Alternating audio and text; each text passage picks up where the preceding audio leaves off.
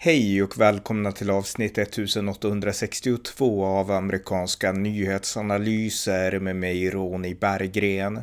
En podcast som kan stödjas på swishnummer 070-30 28 95 0. Igår den 24 maj så pålyste Floridas guvernör Ron DeSantis att han kandiderar till president. Här följer ett samtal med Pelle Zackrisson och John Gustafsson om Ron DeSantis utsikter i det republikanska primärvalsracet. Varmt välkomna! Pelle Zackrisson, välkommen! Tackar. Igår så pålyste Ron DeSantis, Floridas guvernör, att han kandiderar till president i det republikanska primärvalsracet. Och eh, förutom Donald Trump så är han den mest omtalade. Och eh, han gjorde den här pålysningen på Twitter faktiskt. Ja, det stämmer. Han var med i en, en, sån, här, en sån här samtalspodd eller vad man ska säga. De har, det är ett sånt format och, och sen blev det tekniska strul. Han, meningen var att han skulle ha ett samtal då, tillsammans med Elon Musk och sen communityn. Mm, men det kraschade, alltså det var något, alltså det vart överbelastat.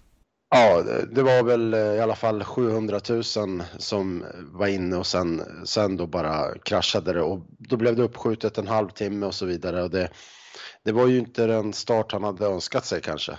Och det framstår ju lite amatörmässigt att man inte tar höjd för det där och eh, från DeSantis eh, teamets sida att de inte kollar med eh, Elon Musk och Twitter att eh, ja, de kanske har fått försäkrat att det ska funka, men då får man ju se till att dubbelkolla. Eh, I ett sånt här läge, då säger jag så här att det är någon som borde få sparken.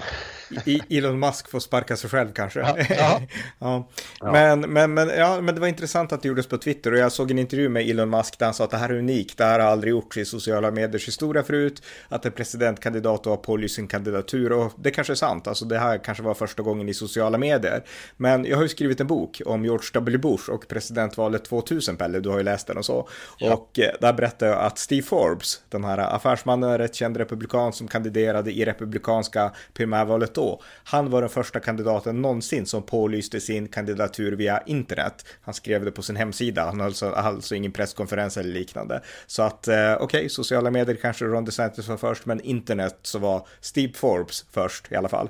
Ja, eh, en bra liten tidbit sådär. Ja, eh, men man kan fråga sig också, eh, Ron DeSantis hade ju en väldigt hög aktiekurs efter midterms den 8 november förra året, därför att han vann sitt omval till guvernör med liksom 20 procent tror jag över sin demokratiska motståndare. Och eh, Donald Trump, han pålyste sin egen presidentkandidatur bara några dagar efter, ingen brydde sig om det alls. Och eh, Donald Trumps kandidater, de hade förlorat i många av de här kongressracen och allt fokus fokus var på Ron DeSantis och man tänkte att han är den nya kungen i det republikanska partiet. Det var verkligen så då. Man har glömt det idag, men, men det var så för ungefär ett drygt halvår sedan då. Men eh, Ron DeSantis, han pålyste aldrig någon kandidatur, utan det gick vecka efter vecka, man väntade och eh, Trump fick en ganska god chans nu i vintras att göra comeback, vilket Trump verkligen har gjort. Så att frågan är, väntade Ron DeSantis för länge med att pålysa det här?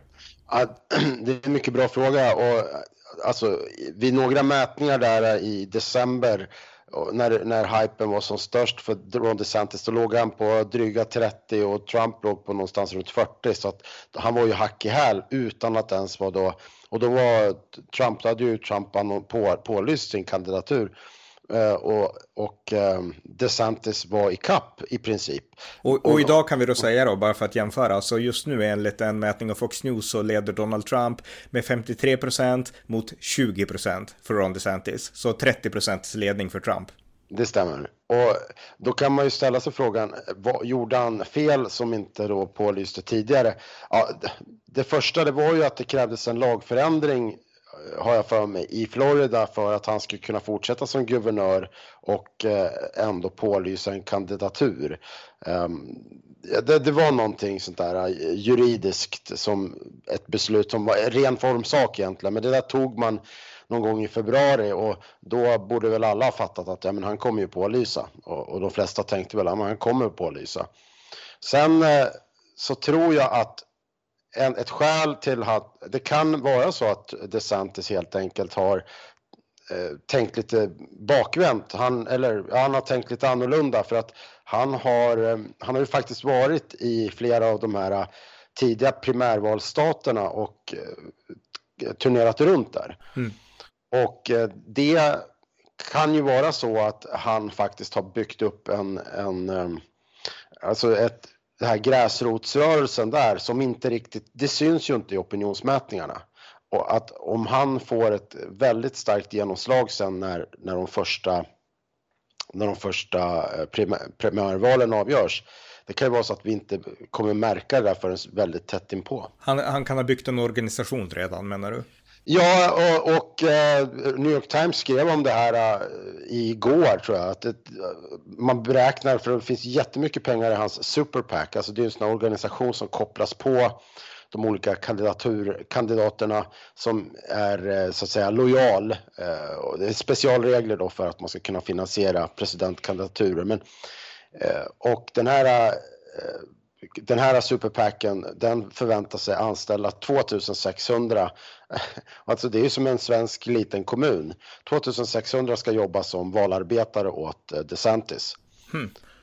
Ja, men det, det, gör det verkligen intressant. Jag har inte läst, jag försökte googla nu, men jag hittar inte vem som är Ron DeSantis campaign manager. Men hela poängen är att det här är ju intressant, därför att vi vet att Donald Trump, han hade redan 2016 väldigt svårt att få ihop ett bra team. Alltså han fick byta ut personal hela tiden och vi kan spekulera i vad det berodde på att Trump var en svår chef och en besvärlig chef att ha, eller om det var liksom svårt att hitta personal som gick ihop med varandra. Och eh, fortfarande, även inför det här racet, så har ju Trump några stycken som samarbetar med honom, men han har inget tydligt sammansvetsat liksom kampanjteam denna gången, för han har fått starta om från scratch igen. För många har hoppat av, många har övergett honom, han har sparkat vissa och Trumps kampanj centrerar ju mångt och mycket kring Trump som person. Eh, men det kan hända att Ron DeSantis har en förmåga att verkligen bygga team. Jag menar, han har ju redan en, en, en stab i egenskap av guvernör och han har liksom som du sa en kampanjkassa. Så att det kan mycket väl hända att det här osynliga förmågan att bygga ett lag och en organisation, att eh, DeSantis är bättre än Trump på det. Ja, alltså jag tror att eh, Ja, det är min, eh, jag är ganska, ja det tror jag.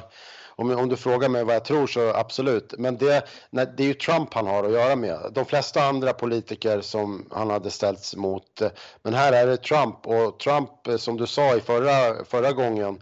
Då hade ju, hade ju Trump oddsen emot sig, men han besegrade dem. Han, mm, ensam. Det, ja, ja, men han, han gjorde verkligen det och han körde över, körde över sina motståndare.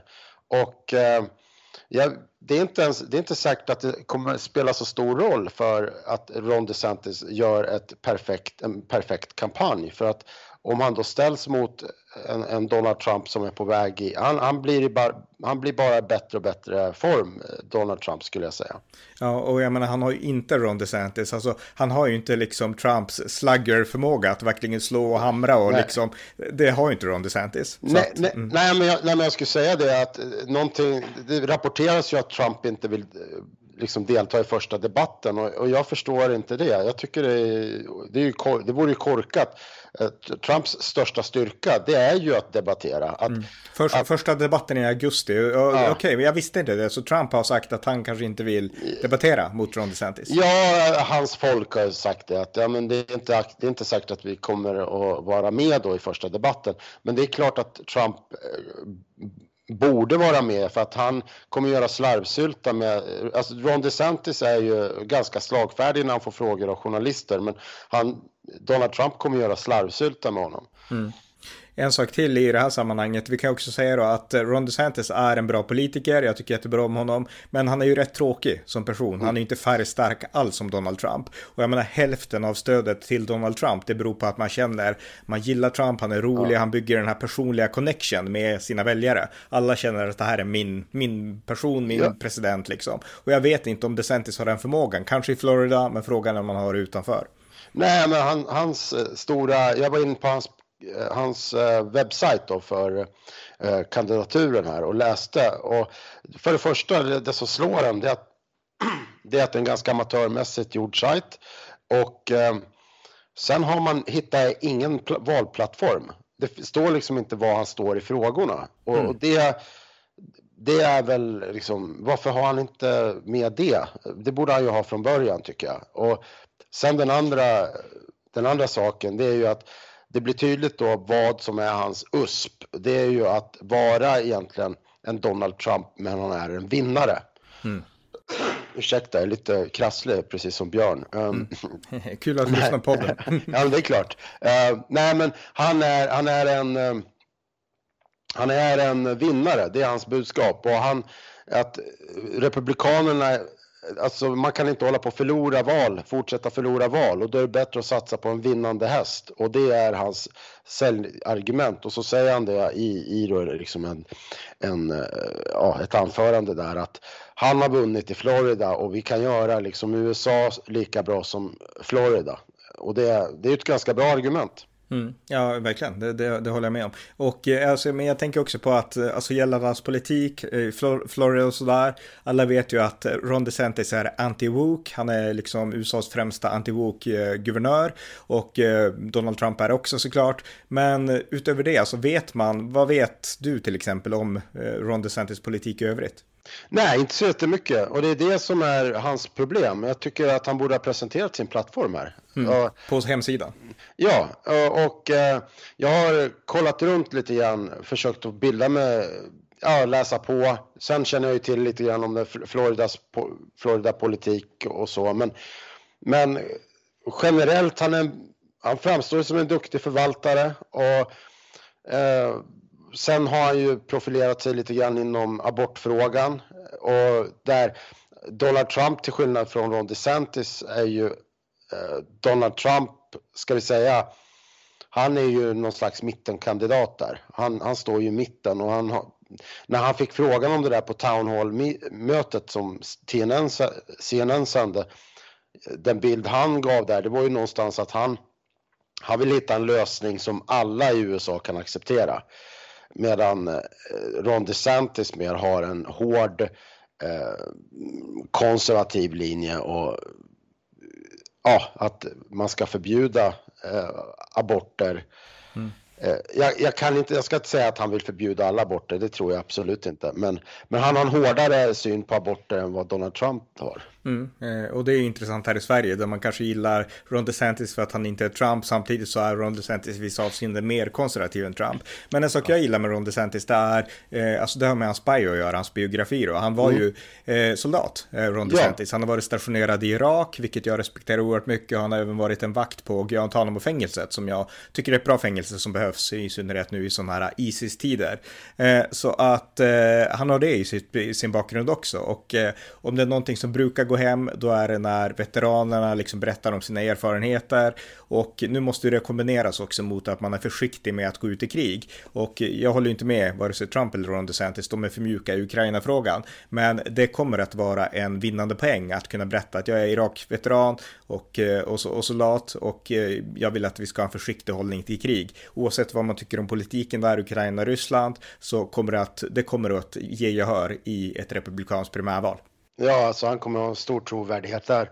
Eh, sen när det gäller då, bara för att kort återvända till Trump och eh, DeSantis, hans pålysning här som eh, var lite, vi pratade ju om det att det var lite tekniskt strul och att det kanske gav en lite dålig ingång, men sen, det är lite ironiskt nog då så har eh, Trump och även en del vänsterdebattörer och politiker de har ju lite räddat upp det där åt DeSantis genom att de har gått till så stark attack mot honom och det, det enda det gör det är ju att de, de framställer honom som väldigt eh, stark och farlig. Och, att de är och rädda för honom nästan. Ja, som ett, mm. ja exakt. När, när, när senast twittrade och, och betedde sig Donald Trump på det sätt som han gör om, om Ron DeSantis? För, för jag kan säga då att Trump har skrivit på sin plattform Truth Social att eh, I'd like to personally congratulate Rob DeSanctimonious och Rob skrev han därför att eh, Ron DeSantis sa fel, han sa Rob om sig själv. Ah. Och eh, Donald Trump, DeSanctimonious, den skenhelige, det är Donald Trumps smeknamn på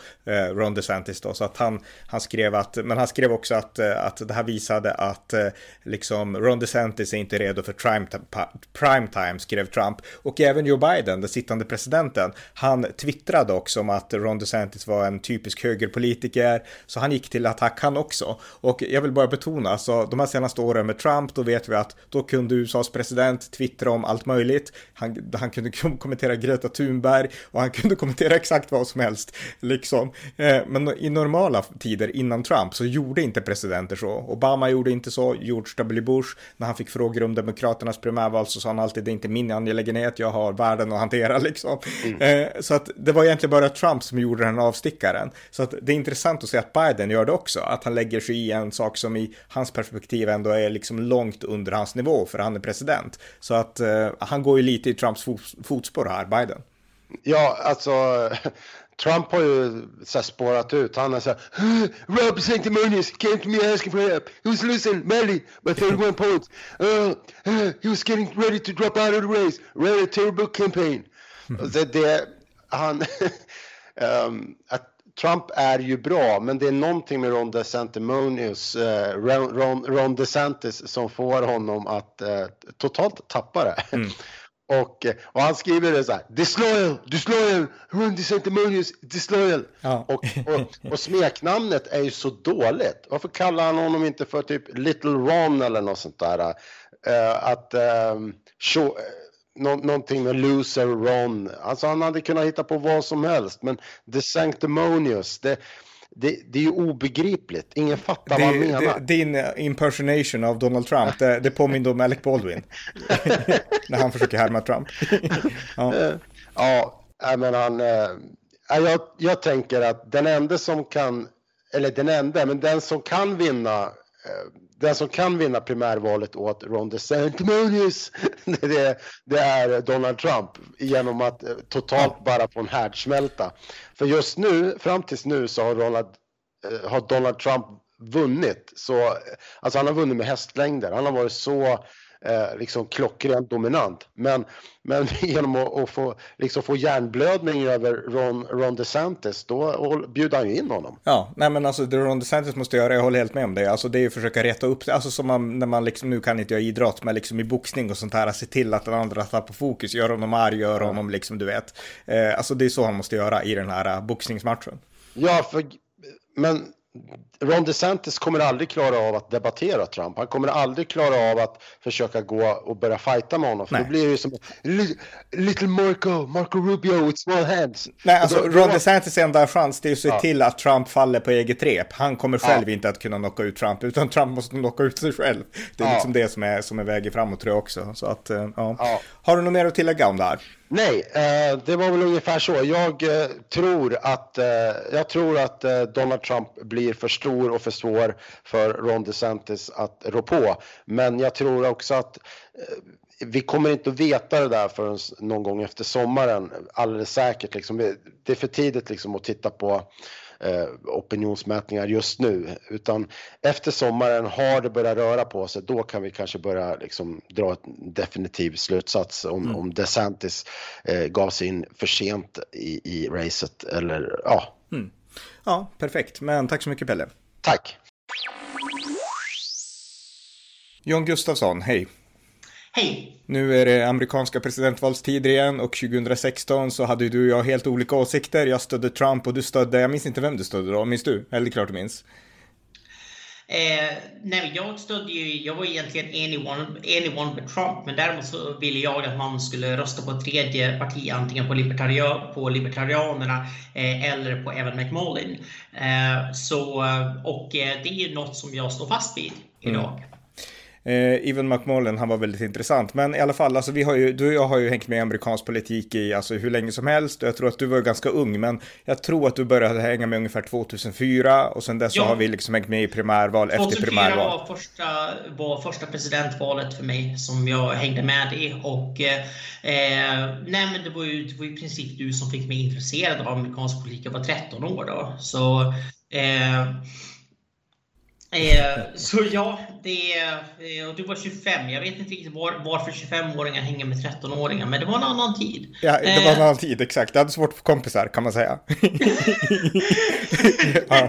Nu är det i alla fall så här att eh, det är ett nytt primärval på gång och för en gång så håller vi på samma kandidat, tror jag åtminstone, därför att eh, jag backade ut Trump 2016 och 2020.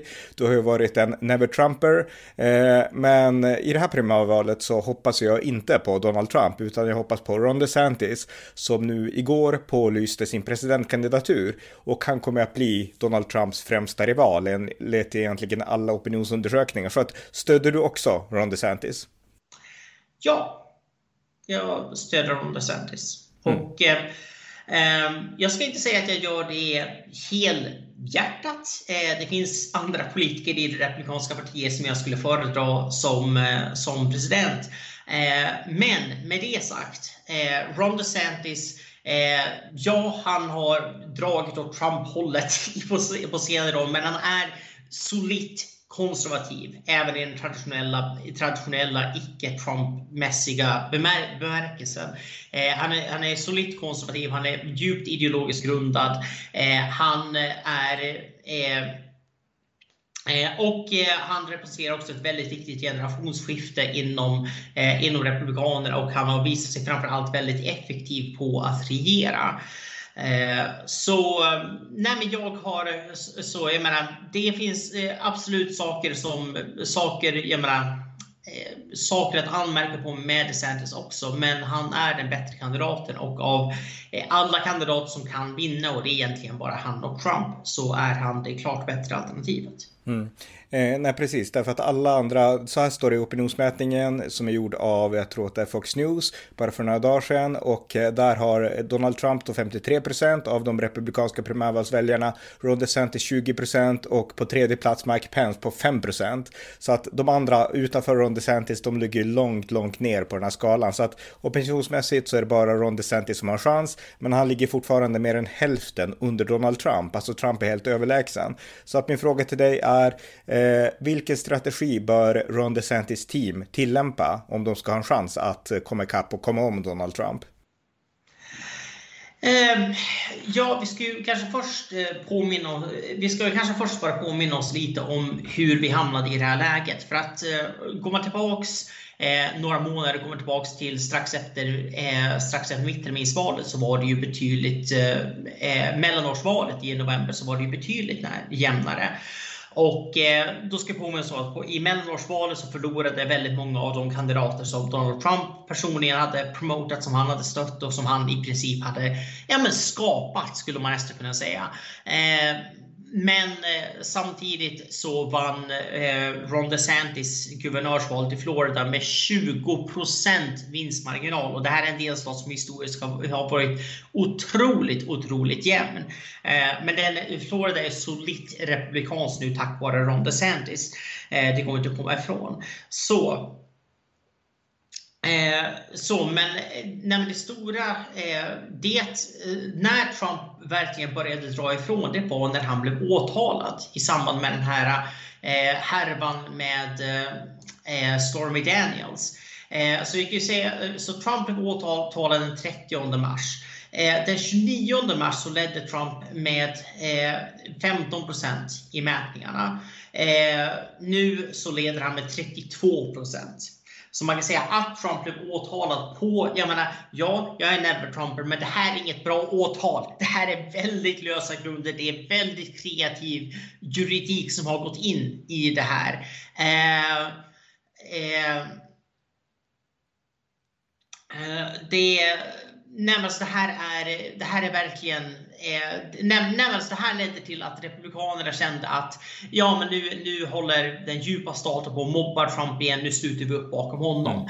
Eh, men det här är förmodligen en tillfällig effekt. Alltså det, det brukar, jag menar, man kan få en boost av att något sånt här händer, men det brukar det brukar ebba ut så, små, så småningom. Där, där eh, skiljer vi oss åt i analysen kan jag säga. Jag håller inte med om det, utan jag tror att det här kommer hålla långt för Trump. Men fortsätt. Eh, ja, vi får, ju, vi får ju se helt enkelt. Och det handlar ju också om, eh, nu ska vi säga det att, eh, eh, nej men i alla fall, bara för att återgå, eh, bara för att återgå till eh, eh den andra saken som har skälpt DeSantis, det är att Trump har attackerat honom. Alltså varje vecka egentligen i princip sedan november. Och eh, Trump, eh, nej, alltså för Trump så handlar det dels om att han förstår att DeSantis är hans främsta rival och dels är det personligt får man ändå säga för att eh, Trump var en stor del i att eh, DeSantis eh, vann sitt första guvernörsval det 2018 och han kände sig förrådd av att DeSantis nu kandiderar emot honom. Mm. Nu skulle man ju kunna berätta för Trump att så där funkar inte politik. Det finns ingen liksom, livslång lojalitet. Det finns ingen liksom, det är inte give and take. Det är inte så. Men, men det är alltså i Trumps, i Trumps hjärna så fungerar det så hur som helst. Mm. Eh, så. Eh, men det här för oss då, då, till vad ska DeSantis göra? Och nu måste vi påminna oss om att eh, de viktigaste delstaterna det är de som är de fyra första delstaterna som röstar. Eh, och det är alltså eh, Iowa, följt av New Hampshire, följt av South Carolina, följt, följt av South Carolina, eh, följt av Nevada. Och eh, Iowa i synnerhet kommer bli otroligt viktigt. Eh, så eh, så med, det, det i åtanke, eh, en sak som DeSantis, det här kommer svenska väljare, svenska lyssnare inte att förstå. Men en sak DeSantis ska spela upp, det är hans abortmotstånd. Eh, det är så här, DeSantis har nyligen skrivit under en lag i Florida som förbjuder abort efter den sjätte veckan, alltså allt utom de absolut tidigaste delen av graviditeten. Eh, det brukar kallas för the heartbeat för det är väl sex veckor som man kan höra ett, ett alltså hjärtat börja slå helt enkelt i ett, i ett embryo. Mm. Eh, så eh, så när det finns ett hjärtslag, då, är, då räknas embryot som en människa och abort är därmed förbjuden. Och det här har Trump av skäl som jag inte kan förstå eh, tyckt, eh, gått ut och sagt att det här är helt idiotiskt, det här kommer kosta Republikanerna, det här är, eh, nej, det här är fruktansvärd politik helt enkelt att försöka eh, eh, att försöka inskränka aborträtten, i alla fall till den här nivån. Och eh, Eh, han har även uttalat sig negativt om ett nationellt abortförbud. Som är en annan sak som... Eh, de, jag menar, nu, nu är det så här. I Sverige tar vi aborträtten för given. I Republikanska partiet så är det liksom 90 mot 10 emot abort, om vi säger så. Det är, liksom, det är ingen valvinnande fråga om du vill bli republikansk kandidat att vara för abort. I synnerhet inte i Iowa och South Carolina som är liksom kristna högerns fäste i USA. Mm. Det är verkligen ingen fördel att komma där och säga att, för att nu ska vi påminna oss om att abort blev lagligt i USA 1973 efter ett beslut av Högsta domstolen. Det är så Högsta domstolen i USA har en helt annan makt än Högsta domstolen i Sverige. Det är en författningsdomstol. Eh, så Högsta domstolen eh, beslutade i ett, i, ett, i, ett, i ett domslut att aborträtten är grundlagsskyddad. Eh, man sa att konstitutionen ger rätt till privatliv. Ett foster är i, princip inge, inte att betrakta som en, som en människa och därför så är abort ett privatmedicinskt beslut som ingen delstat får lägga sig i. Så, eh, men sedan ändrade man det här domslutet förra året. Så eh, alla abortmotståndare som har längtat efter att få införa restriktioner mot abort i 50 års tid, de kommer inte ta positivt på att Trump säger att ja, vi kanske ska bromsa lite. Och jag säger inte att Trump har fel rent politiskt. Jag menar, ser vi på de försök som har skett att införa abortrestriktioner så har de flesta inte varit populära. Eh, men så det här är inte nödvändigtvis en valvinnare i det allmänna valet, men i primärvalet så spela upp abortfrågan. Trump är en New York abort, abortliberal. Han är inte värdekonservativ, han är inte kristen, han är ingenting. Mm. Är liksom jag, vill bara betona nu att nu pratar vi primärt om strategin, så vi liksom abortdebatten den är ju komplicerad för du skiljer mellan nationella förbud och delstaterna gör, men den diskussionen får vi ta en annan gång. Men strategiskt så är det alltså bra av Ron DeSantis att verkligen pressa på att jag är en abortmotståndare. Det är det du säger. Precis. Jag är abortmotståndare, jag är värdekonservativ. Vad är Trump? Jäkla New York, New York-liberal. Nej men alltså, det, nej, men alltså, det, det, är så, det är så man vinner, helt enkelt. Det är så man vinner. Det är bara, det är bara, det är bara att konstatera. Eh, en annan sak som DeSantis har eh, har i sin, eh, i sin så att säga, arsenal, det är att han har fått resultat som Trump inte fick. Eh, Trump är inte woke. Det är han absolut inte. Inte ens jag skulle hävda det och jag är en av hans största kritiker. Trump är inte woke. Men som president så gjorde Trump förhållandevis lite mot att, för att motverka om man säger så här, woke-ideologin och identitetspolitiken, inte minst för akademin. Det är så, nästan alla universitet i hela USA får eh, finansiering från Washington DC, från, eh, alltså från den federala regeringen. Mm. Nästan alla. Presidenten bestämmer helt själv över den finansieringen. Det kan man göra via exekutiva orders. Trump skulle när som helst under sitt presidentskap kunna tagit fram en penna och skrivit inget, inget universitet som, eh, som inskränker yttrandefriheten kommer att få några federala bidrag. Och därmed så hade han tvingat universiteten att helt enkelt upprätthålla yttrandefriheten för konservativa studenter och akademiker. Han gjorde aldrig det.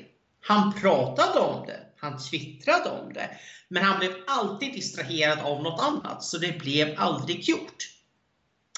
Och på samma sätt så Department of Education, jag menar, eh, Trump pratar om den djupa staten, men han bytte ju aldrig ut de ansvariga. Han bytte aldrig ut administratörerna, han bytte ju aldrig ut dem. Jag menar, det som Ron DeSantis har gjort i Florida är ju dels, jo, om ett universitet eh, inskränker yttrandefriheten, då kan det universitetet se fram emot att i princip läggas ner jag menar, det är, det är, på, den, det är på den nivån. Det, är liksom, det, här är inte, det här är inte diskuterbart. Han har bytt ut administratörer för, för universiteten, han har bytt ut universitetsrektorer, han har förbjudit vissa liksom, marxistiska kurser från att ens undervisas för att de är desinformation. Jag menar, där snackar vi action! Mm. Liksom. Det här är, jag menar, och det är för att DeSantis förstår att bara för att du twittrar någonting så händer det inte. Du måste göra grovarbetet, detaljarbetet, gå in, skriva motioner, skriva eh, policy proposals, göra alla de här liksom, detaljerade direktiven så att saker faktiskt utförs. Men alltså det, det, det DeSantis har då, det är alltså att han har en track record. Han kan visa att jag har verkligen varit anti-woke i praktiken, menar du? Det. Precis, jag har åstadkommit resultat. Jag menar, och mm. dels mot universiteten, dels mot Disney. Dessutom, jag menar, han har utmanat en av de absolut största företagen i Florida och riskerat en hel del jobb på, den, på, på det om vi skulle, jag menar teoretiskt om vi säga, skulle säga att Disney skulle lämna, skulle liksom bara lägga ner sin verksamhet i Florida, det skulle vara en katastrof för Floridas ekonomi. Men sändningsvis var, nej jag tror så mycket på konservativa värderingar att jag menar, inget storföretag kan mobba mig till att, till att tolerera eh, identitetspolitik. Mm. Så eh, Eh, han har även lagt om i detalj, jag menar sexualundervisningen, historieundervisningen, allting. Jag menar, det är, nej men han har förstått, jag menar, ska man kontra vänstern i längden, då måste man kontrollera, då måste man kontrollera skolorna, man måste kontrollera universiteten, man måste kontrollera, jag menar, uppväxten helt enkelt. Den som styr nästa generation styr framtiden. Mm. Det är, eh, och där har han resultat och Trump har det inte. Nej. Ja, nej men okej, abortmotstånd, resultat, en track record, vad mer i strategin för att besegra Trump? Det andra, det andra strategin, det är um, ålder. Och det här är bara en naturlig fördel som DeSantis sa. DeSantis är, uh, han ska fylla 40, 45, Trump ska fylla 47. Eh, och eh, Trump fyller faktiskt 47 om några veckor nu. Ehm, eh, och Joe Biden är fyra år äldre än Trump, han är 81. Men eh, grejen är båda två är lastgamla. Och en av de stora fördelarna som Republikanerna har gentemot Joe Biden, det är att två tredjedelar av amerikanerna, inklusive en majoritet av demokraterna, tycker att Biden är för gammal för att tjänstgöra en, eh, ytterligare en mandatperiod. Mm. Två tredjedelar! Det är, det är sjukt dåliga siffror. Alltså det är absurt på många vis att Biden jag menar, bara sticker fingrarna i öronen och bestämmer sig för att kandidera en gång till. Det är helt sjukt. Och hans vicepresident, den som skulle ta över om någonting hände honom, är den historiskt impopulära Kamala Harris. Mm. Det är jag menar, det här är en vandrande katastrof för Demokraterna. Det går inte att komma ifrån. Eh, så jag menar, Demokraterna har en otroligt svag ticket eh, 2024. De har en eh, de har en president som hör hemma på ett ålderdomshem och en vicepresident som inte hör hemma i politiken överhuvudtaget. Nej. Det, det, är, det, det, det är absurt. Men grejen, grejen är det att, att om man ställer upp mot en 81-åring och man, eller ja, han kommer vara 82, men ni, ni fattar. Eh, och man ställer upp med en 77-åring, då kan man inte spela det här ålderskortet. För de tänker, ja men Trump kan ju också dö när som helst. Menar, Trump har ingen jättehälsosam livsstil, inte för att Biden har det. Men, a, a, a heartbeat away from the presidency, som Hillary Clinton alltid sa om John McCain 2008. Ja, precis. Och han var ändå bara 73. Mm. det är liksom, och det ansågs lastgammalt på den tiden. Mm. Eh, så, eh, och, och han, han hade dessutom en mycket bättre hälsohistorik än vare sig Joe Biden eller Trump. Men, men ja, I okay. digress. Ja, men, men då har vi några men, saker här då. då ja, men, men fortsätt. så, så, så ställer man upp en 47-åring, ja, då kan man inte spela det här. Ja, men han, han är för gammal. Eh, jag menar, han är senil. Han är, han, jag menar, för att grejen är det att ja, Joe Biden visar tecken på begynnande senilitet eller i alla fall minskade kognitiva förmågor. Men det gör också Trump.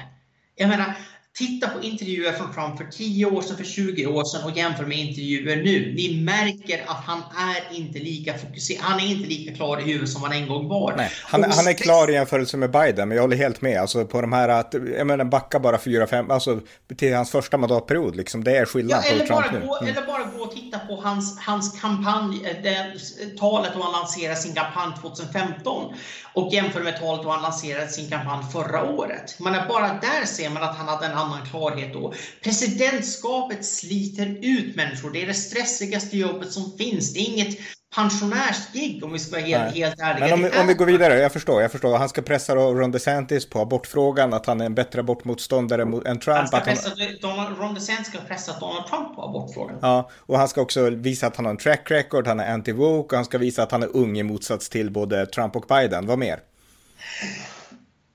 Sen, det, det är kanske farligaste frågan, men som är något som, jag menar, DeSantis ska inte säga rätt ut, men som hans superpack och hans allierade ska ta upp, det är att Trump har mängder av juridiska problem.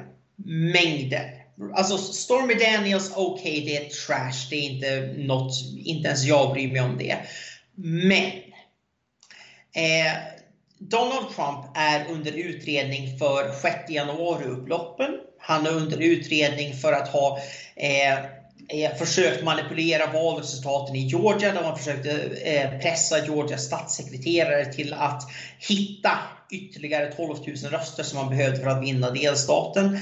Han är under utredning för att ha ljugit om, sina, eh, om storleken på, sina, på sin förmögenhet när han sökte lån och när han sökte försäkringar. Eh, han är Eh, han har nyligen eh, just avslutat en, en, stämning där han blev tilldömd att betala 5 miljoner till en person som han ska ha våldtagit. Jag säger inte att jag nödvändigtvis tror på det. Jag säger bara att eh, om vi, alltså, grejen är att Trump är under en hög av utredningar. Vissa är jag menar, som jag menar, våldtäktsutredningen och det där med Stormy Daniels, det är politiskt motiverat. Men Andra utredningar har faktiskt en hel del grund och helt oavsett om de har grund eller inte så kommer bara, de kommer poppa upp i nyheterna då och då och då. Det kommer dyka upp något nytt i förundersökningen. Det kommer vara nya dokument som, eh, som, som, kom, som kommer fram. Nya man kan väl säga att det kommer att ligga Trump till last med, med de moderata väljarna i ett allmänt val mot Biden? Ja, och grejen är att jag menar, även bland, jag menar, ja, mindre så i ett primärval, men det beror också på vad som kommer fram. För att Republikanerna vill vinna tillbaka Vita huset. Om Trump, eh, om man helt enkelt kan visa att Trump kan inte vinna, han har för mycket baggage helt enkelt. Att det är lite grann som med Hillary Clinton, att Hillary Clinton blev aldrig fälld för någonting vad gäller hennes mailserver. Men bara att det fanns en pågående utredning som hela tiden dök upp med liksom nya uppdateringar. Alltså det, var, det, mm. det gjorde att hennes presidentvalskampanj blev, den blev sänkt av det. Hade det inte varit för, för den där mailserverutredningen så hade Clinton blivit president, det är jag mm. övertygad om. Ja, något annat då? Eh, så så det där, måste, det där måste man helt subtilt liksom ta, ta upp. Jag är det, det valbara alternativet. Jag är den som inte har en massa stämningar. Jag är den som inte har legat runt med porrstjärnor som sen liksom drar mig inför rätta. Liksom det, det, och jag tyckte DeSantis svar när, eh, när Donald Trump blev åtalad, det var briljant faktiskt. Det var briljant. För att när, eh, för han sa det här, här att jag, eh, han sa, jag parafraserar nu, att jag tycker att Eh, att eh, Donald Trump har inte begått något brott. Det här åtalet är en skandal. Det är inte ett brott att ligga med porrstjärna. Jag vet ingenting om att ha affärer med porrstjärnor. Jag vet ingenting om att betala mutor till porrstjärnor. Men det här är inte ett brott. Så det är ungefär som han försvarade Trump, men han påminde samtidigt typ tre gånger i en mening om att Trump har haft varit otrogen med en porrstjärna. Mm. Liksom. Och det är också lite sån där grej jag påpekar för liksom, de värdekonservativa väljare att jag menar, Trump är en, en sleazebag helt enkelt. Mm. Eh. något annat då? Några fler punkter som han borde pressa på hans team? Eh, ja, Donald Trump har förlorat mot Biden en gång. Och det här är någonting som man ska pressa på, inte minst för att det kommer få Trump att gå upp i limingen. Mm. För att, jag menar, nu är det så här att det här är också en av de här lite knepiga grejerna. För att en majoritet av republikanerna tror inte att valet 2020 gick rätt till. Eh, jag tror det, jag vet det. Alla som har sett, kollat in på de så kallade bevisen för valfusk vet det också. Men eh, hur som helst. Eh, eh men med det sagt så tror de flesta republikaner inte att det var uttryckligen valfusk, mer att hur ska man säga, media var så partiska att valet inte kunde bara bli rättvist genomfört. Så det finns, det finns en viktig åtskillnad där. Men grejen är det att det som Ron DeSantis ska säga när han debatterar mot Trump i augusti, eh, det är förresten den första debatten i augusti, eh, det han, han, ska, han ska säga det är att du förlorade mot Biden. Det här är en av de svagaste kandidaterna i liksom, demokrat, demokratiska partiets historia. Och du förlorade mot honom. Ja. Och det här kommer få Trump att fullkomligt explodera av ilska och tappa temperamentet. Och det är då Trump är som allra sämst. Det, det, här, var, det här var den bästa punkten tycker jag i allt det här. Därför att alla vet ju att Trump, han har inte släppt det här utan han fortsätter driva på att det var valfusk jag vann egentligen. Och eh, ja, nu måste jag vinna igen i alla fall liksom. Så att jag menar, du har helt rätt. Trump kommer att gå in ja. i försvarsställningar utan tvekan. Han försvar så han kommer, han kommer säga, säga det var valfusk, det var valfusk, det var valfusk. Och det är då Ron DeSantis säger du kontrollerade hela regeringen, hela den federala statsapparaten och du kunde ändå inte stoppa valfusk. Alltså oppositionen ska ha valfuskat till sig segern. Oppositionen som inte kontrollerade någonting. Jag menar, de ska ha valfuskat till sig segern. Är du så jäkla klantig? Det här bara visar ju hur dålig du är på att regera. Du kan ju ingenting om administration om du lät det hända. Mm. Nej men det, alltså intressant. Det finns, jag håller, jag håller ja. scenario där Trump framstår positivt. Antingen så förlorade han regelrätt mot Joe Biden eller så fick han valet stulet under näsan på honom när han kontrollerade hela statsapparaten som president. Det finns inget här som är positivt. Mycket bra punkt. Okej, okay, hade du några fler punkter? Det är väl huvudsakligen de Eh, det är väl huvudsakligen de, eh, de fem, fem eh, sakerna. Men sen skulle jag säga framför allt, DeSantis måste börja attackera Trump. Mm. Jag förstår nu när han inte har varit kandidat att han har velat ha liksom the high road, jag fokuserar på att regera och så vidare. Nu måste man visa att jag är en fighter. För att det, så nu handlar det direkt om att gå in, gå in och attackera och börja svärta ner Trump helt mm. enkelt. Mm. Ja, eh, mer fighting från Ron DeSantis efterlyses och jag kan säga också att du kommer ut med en artikel på Bulletin om just det här imorgon om eh, Ron DeSantis väg framåt. Precis. Mm. Okej, okay, tack John. Tack. Tack för att ni har lyssnat på amerikanska nyhetsanalyser. En podcast som kan stödjas på swishnummer 070-30 28 95 0 eller via hemsidan på Paypal, Patreon eller bankkonto. Skänk också gärna en donation till valfri Ukraina-hjälp. Allt gott tills nästa gång.